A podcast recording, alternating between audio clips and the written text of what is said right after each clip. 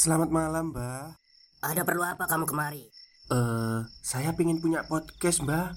Biar pacar saya makin cinta sama saya. Loh, loh, loh.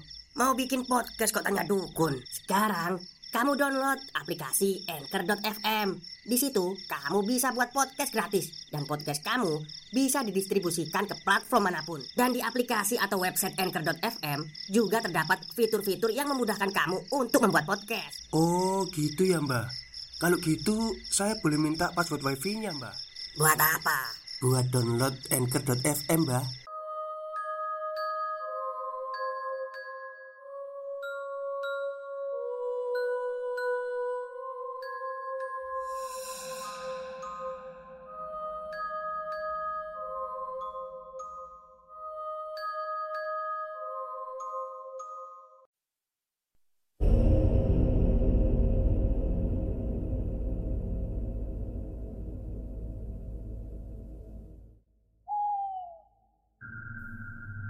Assalamualaikum warahmatullahi wabarakatuh. Halo semuanya. Jumpa lagi dengan saya Chow Sing Sing Kurator dari podcast Horror Night Story. Halo apa kabar semuanya? Semoga kalian semua sehat-sehat ya. Dan seperti biasanya pada siang hari ini saya kembali Dan akan menghadirkan sebuah kisah mistis untuk kalian semua Kisah mistis kali ini saya datangkan dari Mas Restu Wira Tweetnya Mas Restu Wira ya. Ini juga ada di Karya Karsa Karya tulisnya. Jadi pada siang hari ini saya akan menceritakan tentang Kisah kelam tanah santet Yang ditulis oleh Mas Restu. Oke, daripada kita berlama-lama Mari kita simak ceritanya Bismillahirrahmanirrahim. Ini akan menjadi sebuah treat yang lumayan panjang. Sebenarnya Ini adalah kisah yang mengerikan terkait sebuah tempat yang disebut dengan Lambehan Gunung. Saat itu Saya berdiskusi dengan salah seorang teman saya terkait kisah ini. Ya lumayan menyeramkan juga hampir mirip dengan tumpes kelor. Tapi ini berbeda lagi jenisnya, di mana mereka yang terkait dalam santet ini akan mendapatkan sesuatu yang tidak pernah diduga sebelumnya. Di dalam treat ini tergambarkan sebuah kalimat yang tertulis Ora mati, ora urip Atau tidak mati, tidak hidup sehingga Siapa yang mendapatkan serangan santet ini Mereka akan mendapatkan penderitaan yang sangat mengerikan. Bagian 1 Tanah ini bakal jadi rebutan keluarga sendiri. Namaku adalah Putri. Aku adalah anak pertama dari pasangan Pak Handoyo dan Ibu Sukmawati Aku memiliki seorang adik bernama Cismoyo. Adikku ini bisa dibilang memiliki keistimewaan dari anak-anak lainnya, berbeda denganku. Cismoyo bisa mengetahui sesuatu hal yang memang berkaitan dengan hal mistis. Bisa dibilang dia adalah satu-satunya dari Trah Simba yang memegang keilmuan leluhur secara turun-temurun. Simbahku pernah berkata, "Tanah ini bakal menjadi rebutan keluarga sendiri." Begitulah yang dikatakan Simbah Kakung kepadaku. Aku sebenarnya tidak terlalu paham dengan apa yang dimaksud oleh kakek Sepertinya ini adalah sebuah peringatan antar sesama keluarga yang menempati tanah yang memang menjadi sorotan bagi anggota keluarga lainnya. Entah apa yang menjadikan tanah ini begitu istimewa. Simbah Kakung bilang, Dulunya tanah ini dipenuhi dengan bebatuan dan semak belukar yang sangat banyak. Untuk membuka lahan itu, Simbah Kakung bersama dengan Simbah Uti membuka lahan itu dengan bersusah payah. Kebetulan di sana terdapat harta karun. Mereka menyebutnya sebagai lambehan gunung. Tanah itu ternyata memiliki tuah dan keberkahan bagi keluarga Simbah Kakung sendiri. Di sekitaran Gunung Lambehan itu, banyak orang pintar yang mengincar tanah itu. Tentu saja untuk keperluan pribadinya. Katanya, jika orang yang paham, mereka akan mendapatkan lelakon atau nasib yang baik. Secara fisik, tanah itu memang berbeda dengan tanah-tanah yang lain.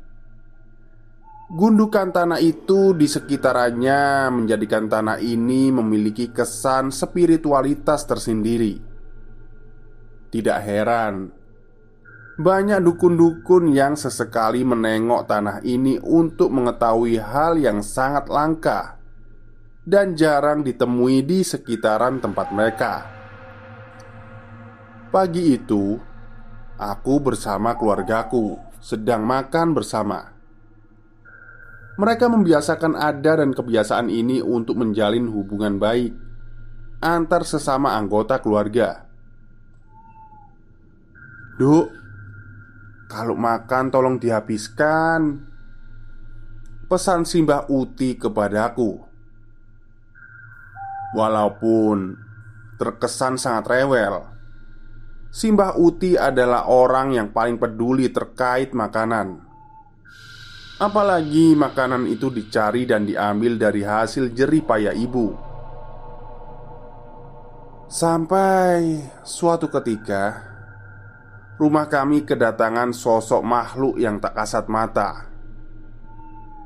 Dia bertengger tepat di atas rumah kami. Hal ini diketahui oleh Cismoyo sehabis dirinya pulang dari sholat maghrib di surau dekat rumah. Kata Cismoyo, sosok itu merupakan sosok kiriman yang memiliki taring yang sangat panjang. Di kepalanya terdapat dua tanduk. Sorot matanya merah menyala seperti lampu pijar yang dinyalakan di kegelapan malam.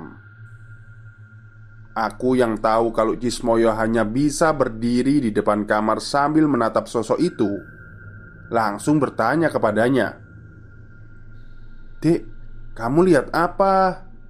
Tanyaku Mbak, di atas rumah kita ada genruwo Mendengar ucapan yang dilontarkan Cismoyo Aku langsung buru-buru menutup matanya Namun Cismoyo dengan cepat meminta kepadaku untuk melepaskannya. Mbak, lepasin.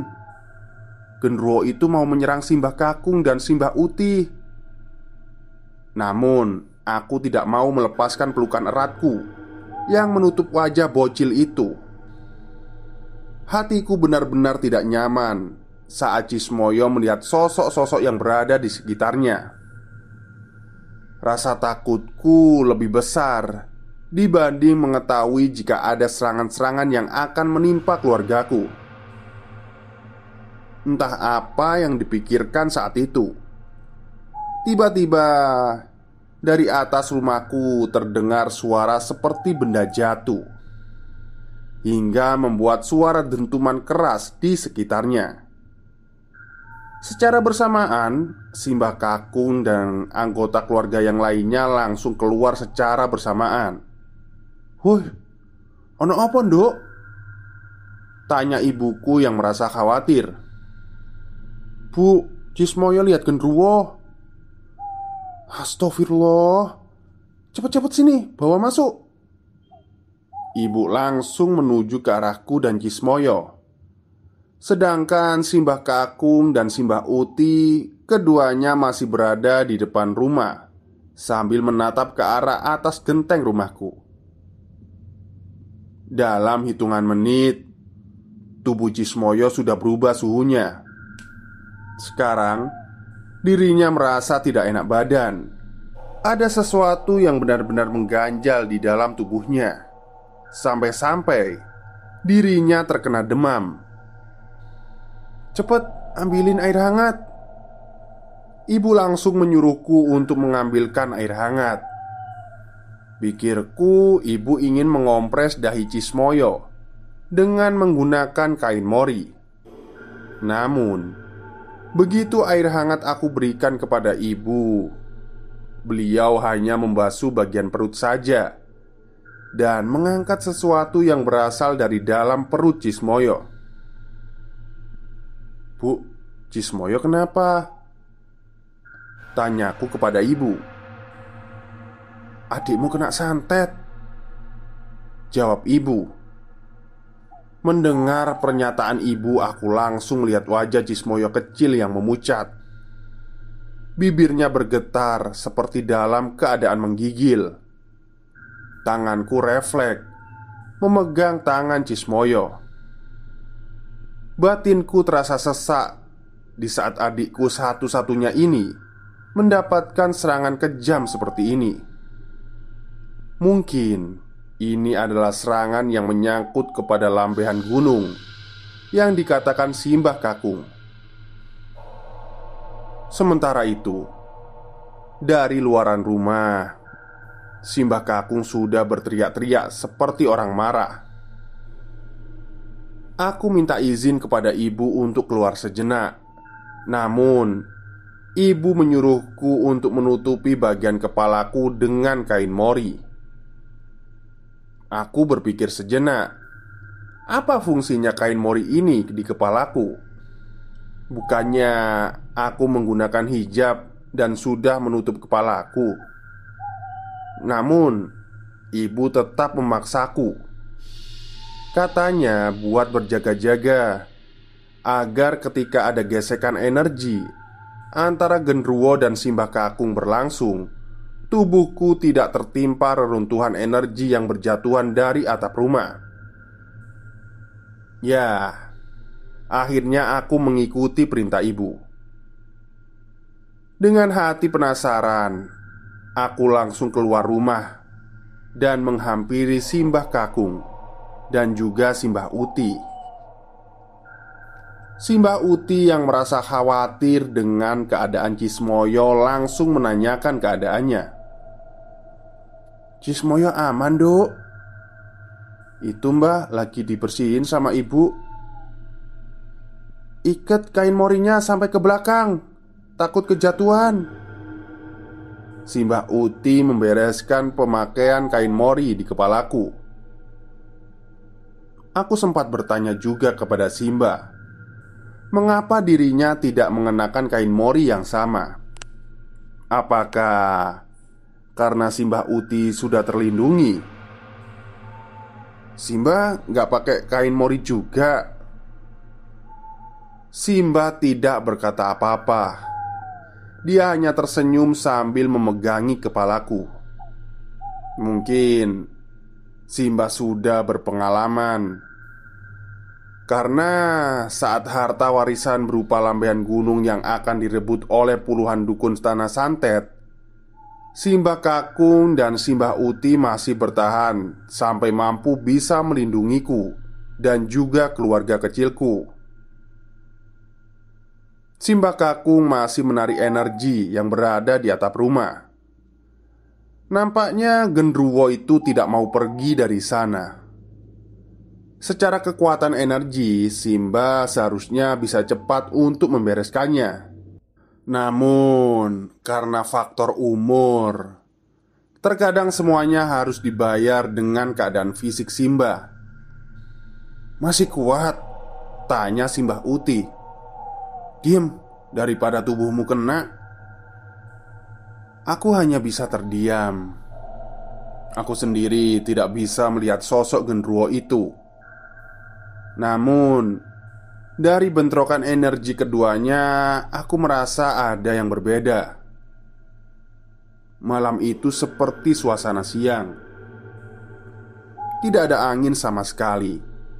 dan hawanya juga agak panas. Aku tahu, mungkin ini efek dari bentrokan energi keduanya yang menjadikan perubahan suhu di sekitarnya. Setelah setengah jam kemudian, tiba-tiba lima buah genteng berjatuhan dari atap rumah. Simbah Uti langsung menarikku untuk mundur beberapa langkah. "Kenapa, Mbah?" "Awas, gendruwonya jatuh." Aku nggak paham maksudnya. Apakah karena genruwo itu kalah dari energi yang dibentrokkan bersama dengan Simba Kakung? Sampai-sampai dirinya terjatuh tersungkur di tanah, membuat pertanda runtuhnya lima genteng dari atap rumah.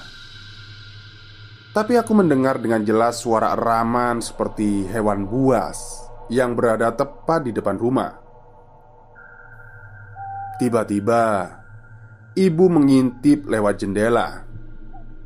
Simba Uti langsung memperagakan kedua tangannya, pertanda untuk segera menutup pintu rumah. Ibu hanya mengangguk paham. Ia pun langsung menutup pintu secara perlahan dengan posisi duduk. Mula-mula menutup bagian kiri pintu, lalu dengan cepat tubuhnya langsung berpindah ke arah kanan dan menutupnya dengan rapat. Simbah Kakung sudah mulai terasa tidak beres dengan tubuhnya. Dari dahi juga lehernya keringat bercucuran sangat banyak. Simbah Uti tahu tubuh Simbah Kakung sudah tidak mampu untuk menopang besarnya energi yang dikeluarkan oleh sosok genruwo itu. Wes wes, aku aja yang lawan. Simbah Uti langsung bergerak ke depan Sedangkan Simba Kakung ia mundur ke belakang sambil memegangi dadanya yang terasa panas. Aku pun langsung membantu Simba Kakung untuk terduduk di lesehan tanah.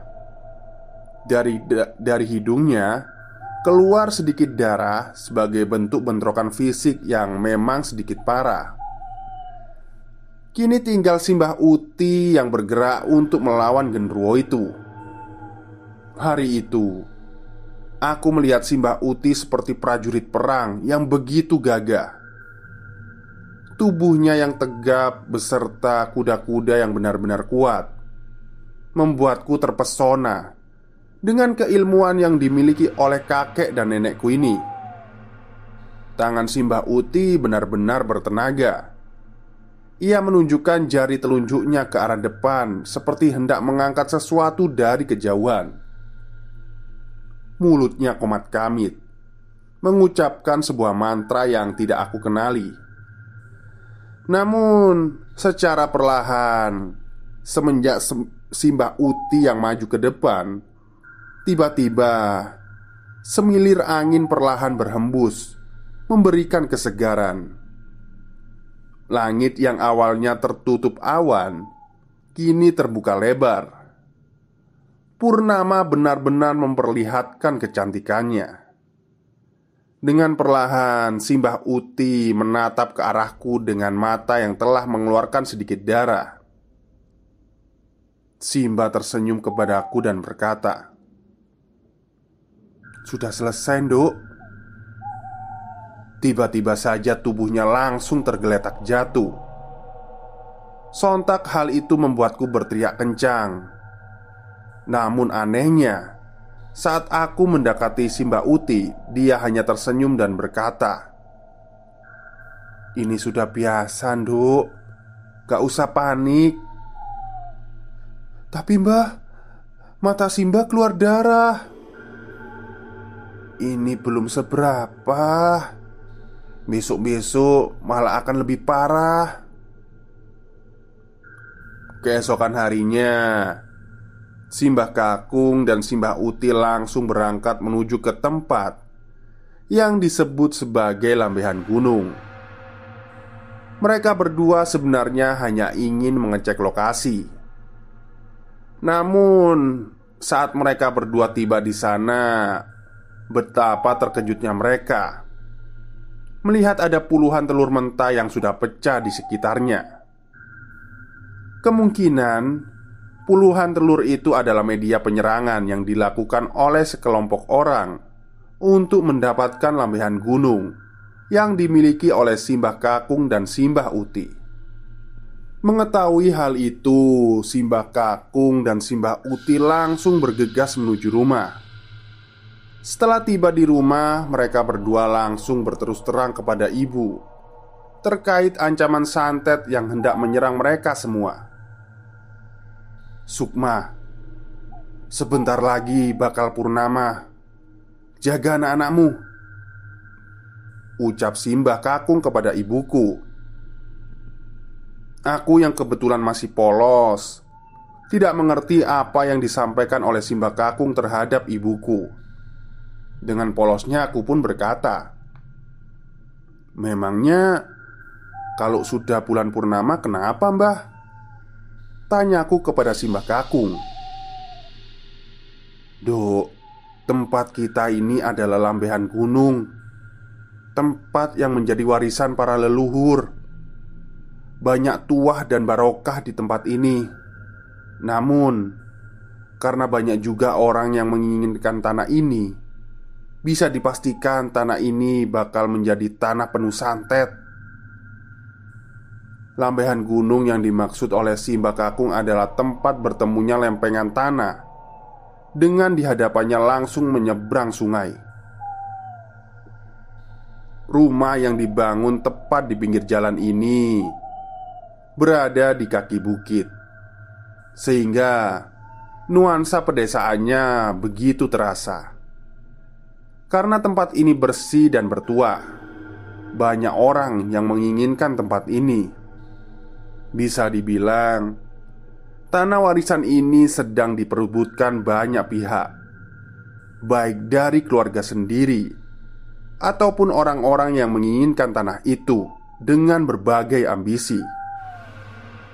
Namun, sekali lagi, Simbah Kakung dan juga Simbah Uti tidak menginginkan tanah itu jatuh ke tangan-tangan kotor.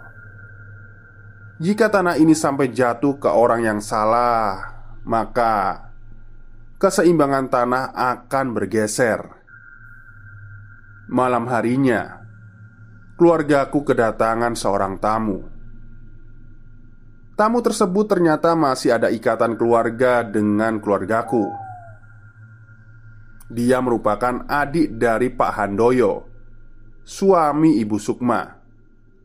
Dia bernama Paijo. Paijo sendiri tinggal di sebuah desa yang letaknya tidak terlalu jauh dengan desa keluarga kami yang kami tempati ini. Kedatangan Paijo sendiri sebenarnya sudah diketahui oleh Simbah Kakung. Entah apa maksud dan tujuan dari Paijo sendiri untuk mendatangi keluargaku. Namun, aku sendiri merasa tidak nyaman. Akhirnya, Secara belak-belakan, Paijo pun memberitahu maksud dan tujuannya. Dia menawarkan kepada Simba untuk menjual tanah atau lahan di lambehan gunung. Paijo merasa tertarik dengan lahan atau tanah yang berada di lambehan gunung ini.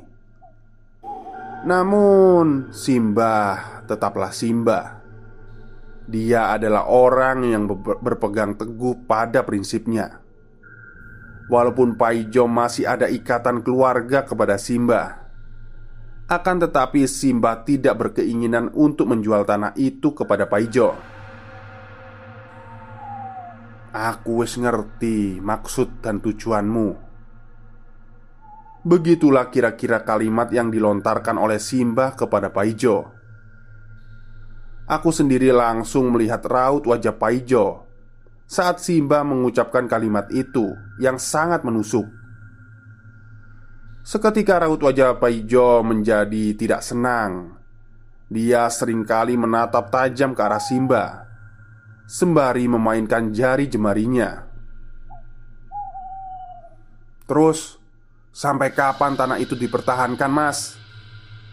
Mas Handoyo juga mesti mendapatkan bagian dari hak warisnya Ucap Paijo dengan nada agak tinggi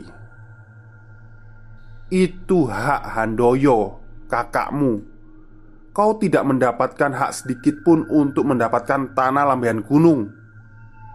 Jelas Simbah Kakung. Paijo pun menggebrak meja dengan kencang. Sampai-sampai aku dan Cismoyo langsung berlindung kepada ibu karena ketakutan. Bah, tanah itu incaran. Tanah yang ingin dimiliki oleh para dukun di tempat ini. Jika Simba tidak mewariskannya kepada keluarga, tanah itu akan direbut oleh para dukun. Jelas Paijo. Tanah itu bakal aku turunkan kepada cucuku Paijo langsung menatapku dan juga Cismoyo. Ia langsung tertuju kepadaku dan Cismoyo. Sewaktu Simba memberitahu bahwa lambean gunung akan diwariskan kepada salah satu cucunya. Bah, mereka itu masih kecil. Mereka tidak pantas untuk mendapatkan hak warisan tanah itu. Paijo terus-menerus menekan Simba agar dirinya mau menurunkan hak waris itu kepadanya. Akan tetapi, sekali lagi, pertama kalinya dalam hidupku, mendengar sebuah kalimat yang mampu membuat mental seseorang jatuh. Simba yang dikenal dengan kemampuan sabdo dadinya mengatakan hal yang sejujurnya kepada Paijo. Aku tahu kamu adalah bagian dari dukun itu. Kamu bersekutu dengan mereka agar mendapatkan lambaian gunung. Telur-telur yang berada di sekitar lambaian gunung itu adalah hasil perbuatan jahatmu. Sekarang atau nanti, ambisimu untuk mendapatkan lambaian gunung semakin besar. Maka dari itu, Aku tidak akan menurunkan lambaian gunung kepadamu dan kepada mereka yang memiliki niat jahat. Mendengar hal itu, Paijo pun langsung meninggalkan rumahku. Dia langsung menatap ke arah atap rumah, sembari berkata kasar, seperti mencaci maki sesuatu yang ada di atas rumahku. Saat aku bertanya kepada Cismoyo Terkait apa yang terjadi dengan Paijo Dia pun langsung menjawab Genruwo itu adalah kirimannya dari Mas Paijo Hari itu aku baru tahu terkait dengan serangan aneh yang telah menyerang Cismoyo Ternyata Apa yang dikatakan oleh Simba Kakung terkait dengan penyerangan itu benar adanya Aku sendiri merasa heran kenapa Mas Paijo sangat menginginkan tanah lambean gunung ini. Bukankah tanah itu memang hanya dimiliki oleh orang-orang tertentu saja? Namun, jika memang karena tanah itu bertuah, berarti ada maksud lain yang diinginkan oleh Mas Paijo untuk merebut segala sesuatu yang berada di tanah lamian gunung ini.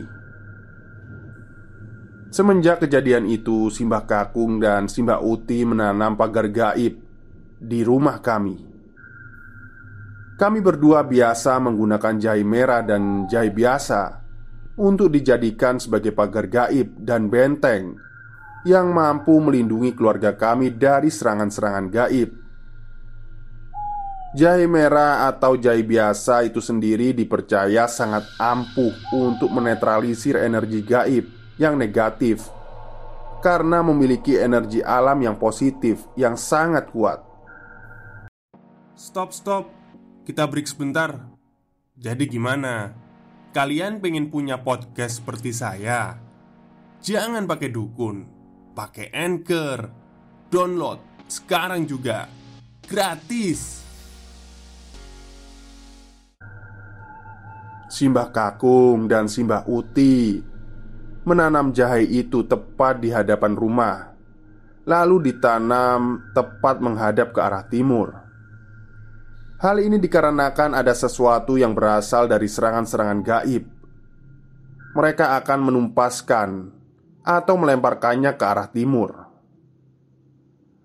Kepercayaan ini sudah dilakukan secara turun-temurun, di mana mereka melemparkan atau menumpaskannya serangan ke arah timur. Makanya, serangan tersebut akan kembali lagi ke pemiliknya. Setelah mereka berdua menanam jahe merah tersebut, Simbah Kakung dan Simbah Uti tidak henti-hentinya mengingatkan kepada kami untuk waspada. Apabila ada pemberian, baik itu berupa makanan atau yang lain dari orang lain yang notabene itu adalah orang yang tidak kita kenal, jangan diterima. Simba percaya bahwa segala sesuatu yang bersifat jahat, mereka semua akan sekaligus menyerang semuanya tanpa berpikir bagaimana untuk melepaskan segala apa yang mereka punya. Mereka hanya memiliki pemikiran terhadap target yang akan dibunuhnya. Dengan begitu, harta yang mereka keluarkan untuk membunuh targetnya akan berharga dan senilai dengan harta yang mereka keluarkan. Seperti biasa, setelah Simba Kakung dan Simba Uti memberikan wejangan kepada kami, mereka berdua langsung menatap ke arah Cismoyo Tatapan mata mereka berdua seperti menyadari akan sesuatu yang terjadi di masa depan dengan hanya melihat kedua bola mata Cismoyo. Cismoyo, Rene nak. Cismoyo mendekat ke Simbah dengan senyuman penuh kegirangan. Baru kali ini aku melihat wajah Cismoyo seperti penuh dengan kebahagiaan. Aku dan ibu melihat Cismoyo sudah pulih Merasa sangat bahagia saat itu. Nggih mbah. Besok Dirimulah yang akan jadi penentu nasib hidupmu. Kamu harus menjadi orang yang kuat. Jangan sampai mati Ucapan Simbah membuat hatiku terketuk Aku tidak mengerti ke arah mana yang dimaksud saat Simba mengatakan penentu nasib keluarga.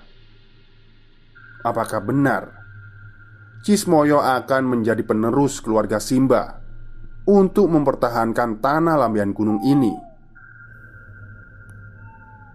Bu, Pak, Cismoyo masih sangat kecil. Sudah begitu, dukun yang mengganggunya pasti akan membahayakannya ucap ibuku. Ternyata kekhawatiran ibu juga sama dengan diriku. Aku masih takut dengan Mas Paijo yang benar-benar sudah menampakkan dirinya untuk menyerang keluargaku. Bukan hanya itu saja, kedua mata dari Cismoyo dinilai sangat berharga. Hal itu dikarenakan para dukun yang berada di sekitaran desaku benar-benar ingin mencongkel kedua matanya karena dinilai sangat berbahaya. Mereka yang masih memiliki garis keturunan akan dinilai sebagai getih anget atau darah hangat, tergantung dengan siapa dirinya dijaga. Namun, bila memang sudah sangat membahayakan, biasanya akan timbul bentrokan di antara keduanya. Semenjak saat di mana Cismoyo diketahui akan meneruskan jejak tapak tilas dari tanah lambean gunung Dia sendiri akan terus digencar oleh banyak orang yang akan mengambil paksa tanah itu Termasuk Mas Paijo sendiri Hingga akhirnya sesuatu yang benar-benar menyeramkan terjadi. Saat di mana aku dan seluruh keluargaku tertidur pulas Duk duk duk. Duk duk duk. Cismoyo mendengar suara ketukan itu. Dia langsung terbangun dan berjalan perlahan menuju ke arah suara itu. Walaupun terdengar sangat tidak meyakinkan kalau itu adalah suara manusia Namun Bagi Cismoyo sendiri Suara ketukan itu adalah sesuatu yang membuatnya sangat tertarik untuk diketahui siapa yang berada di luaran pintu rumah.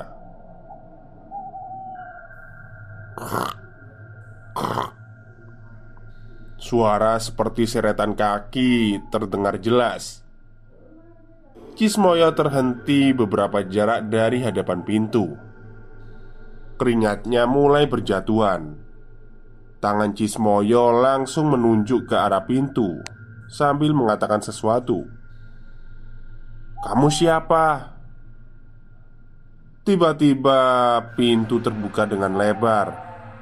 Cahaya rembulan memasuki dalam rumah dengan terang. Terlihat seorang nenek bungkuk beserta dengan cucunya yang masih berusia lima tahun sedang berdiri di sana sambil memegang mangkuk berisi sesuatu. Ambil salah satunya. Cismoyo awalnya menolak. Ia tidak mau menerima sesuatu apa pun yang bukan berasal dari orang yang ia kenal. Cismoyo yang tahu kalau di hadapannya bukanlah manusia, matanya langsung sedikit memburam. Kedua tangannya langsung memegang masing-masing matanya karena ada rasa sakit yang tidak bisa ditahan lagi. Keluar, jangan masuk, jangan masuk ke rumahku. Teriak Cismoyo sembari menangis Dan menahan rasa sakit di kedua belah matanya. Sosok nenek tua dan anak kecil itu melangkah menuju ke arah Cismoyo Namun ada yang berbeda Dengan suara langkah kakinya kali ini. Suara langkah kaki mereka berdua seperti ketukan suara langkah kaki kuda. Duk, duk, duk. Perlahan Cismoyo ingin melihat bentukan kaki dari keduanya Yang mampu membuat suara ketukan aneh mirip seperti kuda itu. Dan setelah Cismoyo membuka kedua matanya Cismoyo melihat dengan jelas Bentukan kaki keduanya yang benar-benar mirip seperti kaki kuda Mata sebelah kanannya berwarna hitam dengan kepala yang tiap detik menggeleng-gelengkan ke arah kanan dan ke kiri. "Simba!" Teriakan Cismoyo pun membuat seluruh keluarga terbangun dari tidur. "Bu, bangun, Bu. Itu suara adik." Teriakku. Aku dan ibu langsung bergegas mencari ibu Cismoyo. Maksudnya mencari Cismoyo ya Rupanya Cismoyo sudah berada di ruangan depan Bersama dengan itu Simba Kakung dan Simba Uti sudah terbangun Baik, itulah bagian pertama dari uh, Tanah Lambehan Gunung yang ditulis oleh Mas Restuwira jadi di cerita kisah kelam tanah santet ini akan terbagi menjadi empat bagian ya. Karena panjang sekali Ini aja sebenarnya ada delapan bagian Tapi kan saya ingin mempercepat atau nanti um, Bukan meringkas ya Tetap dipercepat nanti Jadi empat bagian Oke mungkin itu saja cerita untuk siang hari ini Semoga kalian semua suka. Selamat malam dan selamat beristirahat.